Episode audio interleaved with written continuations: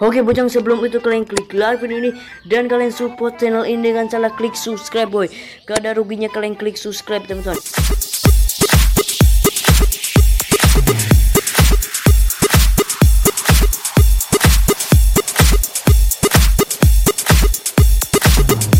Nani? Kira udah nunggu ya.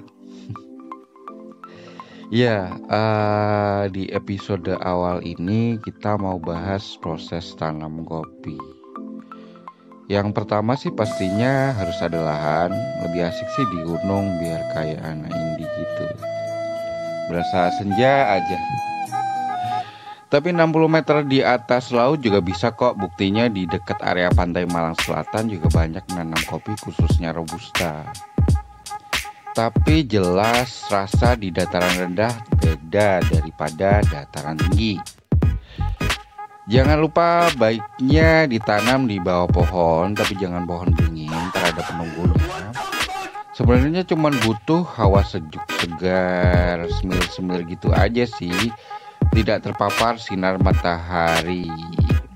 Paling bagus sih dikasih pohon sengon pengen cepet tumbuh ya sengon laut itu butuh 3 sampai 5 Omae wa mou shindeiru. Selanjutnya bikin lumbang pakai cangkul sedalam 20 sampai 30 cm aja. Kasih jarak 2 meter mengotak gitu. Terus dicampur kompos, masukkan ke bekas cangkulan tadi, diamkan selama 2 minggu. Lalu siapkan bibit melalui biji yang bagus itu ada baiknya beli di puslit biar tahu grade-nya atau di toko tani. Cara-caranya sih siapin polybag, tanam biji sedalam 2 meter, eh kok 2 meter.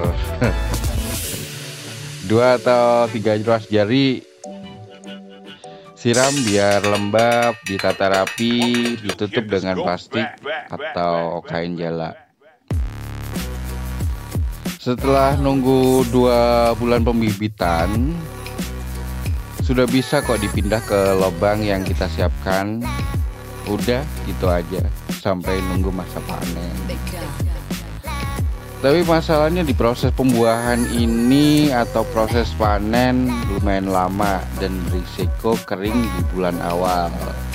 Tapi proses ini lebih unggul, batang lebih kuat, lebih tahan sama penyakit. Di usia dewasanya juga biasanya lebih produktif, lebih produktif dari tanaman ibunya atau tanaman indukannya. Ada juga metode cangkok, cari batang yang sudah kokoh, diameter 3 cm. Kupas melingkar pangkal batang diisikan humus basah, sabut kelapa, hingga pangkal atas lingkar dengan plastik.